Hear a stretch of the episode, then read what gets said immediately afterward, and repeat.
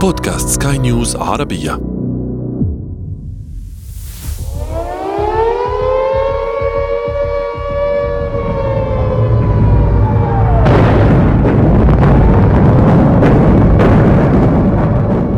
President Putin of Russia has unleashed war in our European continent. Если кто-то вознамерится вмешаться в происходящие события со стороны, The United Kingdom announces that it is sending long range missiles to Ukraine to help the country defend itself against Russia.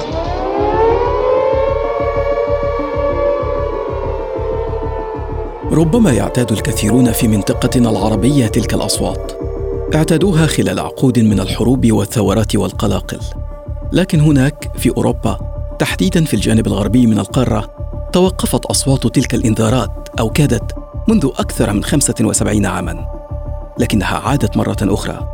فبوتين جلب الحرب على أوروبا كما قال رئيس الوزراء البريطاني بوريس جونسون.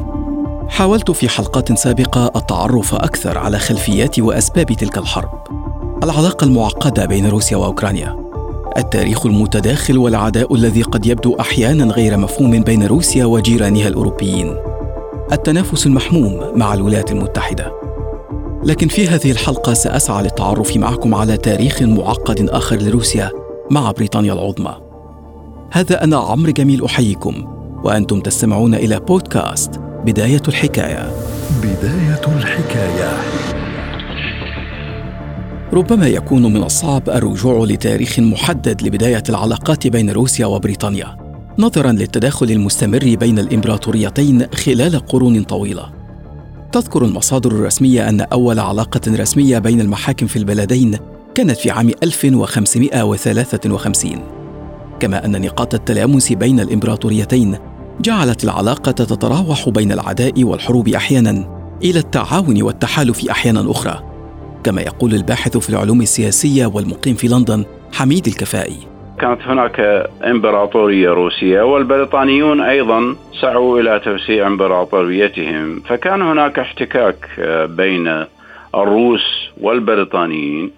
وفي فترات مختلفة تحالفت روسيا مع بريطانيا ضد فرنسا مثلا وضد ألمانيا. ولكنهما أيضا آه، اختلفتا وتحالفتا مع دول أخرى. آه، مثلا بريطانيا وقفت ضد روسيا مع الدولة العثمانية. آه، فرنسا وبريطانيا وقفتا مع الدولة العثمانية ضد روسيا. فالعلاقات مختلفة وهي تمر بفترات تحسن وثم توتر اعتمادا على النظام السياسي وعلى المصالح. ومع ذلك قد تكون الثورة البلشفية نقطة انطلاق جيدة. تشرح لنا طبيعة العلاقة بين الدولتين في العصر الحديث بحسب ما يقول الدبلوماسي الروسي السابق فيتشيزلاف ماتوزوف. تاريخ هو طويل وعلاقات بين روسيا وبريطانيا العظمى بدأت مش حتى من القرن الماضي قبل القرون. كان هناك تنافس بين إمبراطورية روسية إمبراطورية بريطانية ولكن بعد ثورة أكتوبر في نوفمبر 2017 هناك كانت تناقض شديد القوة. الثورة ممكن- تقصد.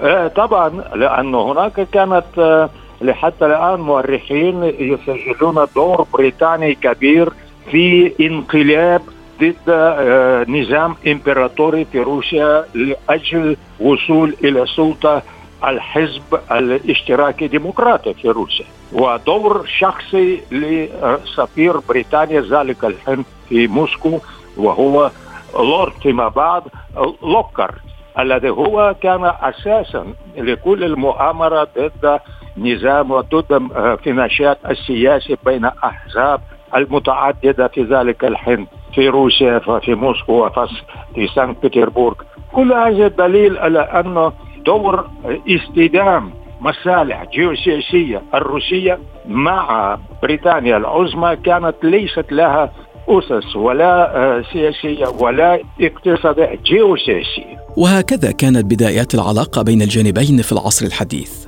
متوترة يسودها عدم الثقة والتنافس ورغبة كل طرف في فرض نفوذه على الطرف الآخر إن استطاع أو التدخل في مناطق نفوذه على أقل تقدير. حدث ذلك ليس فقط فوق الأراضي الأوروبية بل في مناطق متفرقة من العالم كما يشير السيد ماتوزوف. صراع في إيران. في 25 و 27 في نفس الوقت كان تناقض شديد القوة بين بريطانيا و... وروسيا في شرق الأقصى سنة شعبية. هناك كانت حرب بريطانيا مع الصين الشعبية روسيا السوفيتية ذلك الحين أيدت ماو زيدونغ الذي هو كان مؤسس حزب الشيوعي. وطبعا دور الروسي آه، كبير في هذه المرحلة. وروسيا كانت على الاستعداد ليتعاون حتى مع اليابان ضد بريطانيا. ما نجحوا ولكن الصراع كانت دائما. اليوم لا محدود تناقض بريطاني وروسي مع ذلك لم تكن العلاقة عدائية على الدوام. تخللتها فترات تعاون. أجبر فيها الطرفان على التحالف معا لمواجهة عدو مشترك كما يقول الكفائي في الحرب العالمية الأولى وحتى في الحرب العالمية الثانية تحالفت آه، بريطانيا مع روسيا ضد ألمانيا. لم يمنع وجود حزب اشتراكي وحكومة ثورية بقيادة لينين ثم ستالين أن تتحالف بريطانيا مع روسيا. كانت تلك فترة حاسمة من عمر العالم فمع أن التحالف الروسي البريطاني كان مؤقتا لمواجهة العدو النازي المشترك لكنه امتد لمرحلة ما بعد هزيمة ألمانيا. في خريف عام 1944 التقى رئيس الوزراء البريطاني وينستون تشرشل بالزعيم السوفيتي المارشال جوزيف ستالين فيما عرف باجتماع تولستوي. كانت الترتيبات قد بدأت لحقبة ما بعد هزيمة ألمانيا وأراد الجانبان التوصل لتسوية لتقسيم نفوذهما. كانت تلك الليلة هي ليلة تقسيم أوروبا بين ستالين وتشرشل. كتب تشرشل في مذكراته يقول لدينا مصالح ومهام وعملاء هناك. فدعنا نتوصل إلى تسوية حتى لا تتضارب مصالحنا هناك. ما رأيك في أن تهيمن روسيا على 90% من رومانيا؟ ونسيطر نحن على 90% من اليونان. وان نتقاسم يوغوسلافيا والمجر مناصفة. نظر ستالين إلى الورقة التي دون عليها تشرشل تلك الصفقة واستمع بعناية إلى مترجمه الذي نقل إليه كلام تشرشل. توقف قليلا ثم أخذ قلمه ووضع علامة صح كبيرة على الورقة ثم أعادها إلى تشرشل. لم يدم ذلك التوافق كثيرا.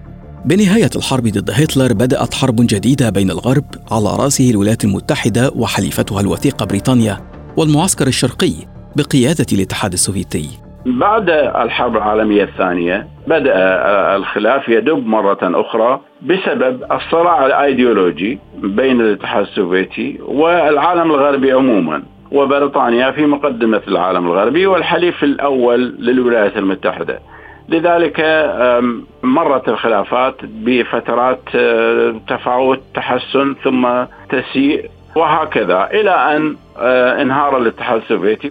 بعد انهيار الاتحاد السوفيتي بعد الدول الغربية يعتبرون أن وصلت الوقت لتغيير الميزان القوة على الصعيد العالمي ميزان القوة كانت مبنية على نتائج الحرب العالمية الثانية. ولذلك بعد انهيار الاتحاد السوفيتي أصبحت اراده روسية الشاسعه غنية بكل الثروات المعدنية وبكل شيء.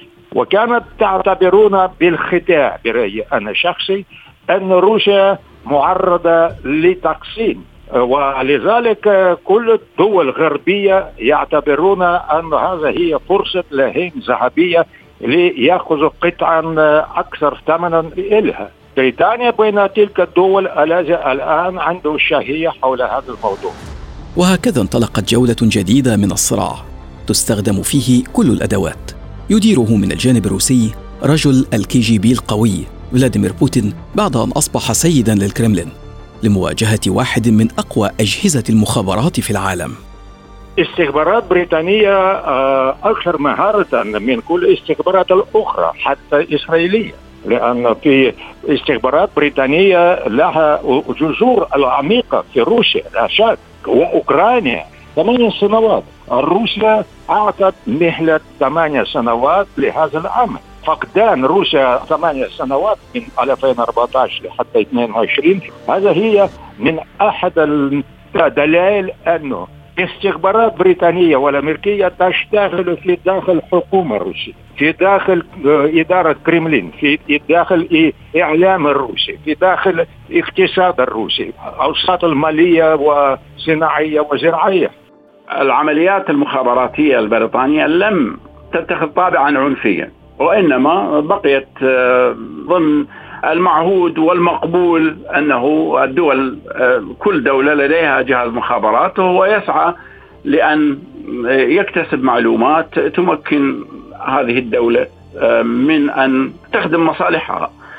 أما روسيا فقد اعتمدت أسلوب الاغتيال واغتالت العديد من الروس الذين لجأوا إلى البلدان الغربية إلى بريطانيا وألمانيا ودول أخرى وهذا الأسلوب أيضا آه، غير مقبول وهو يضع ويحرج الدول الغربية خصوصا بريطانيا آه، التي تفتخر بأنها نظام يقوم على القانون.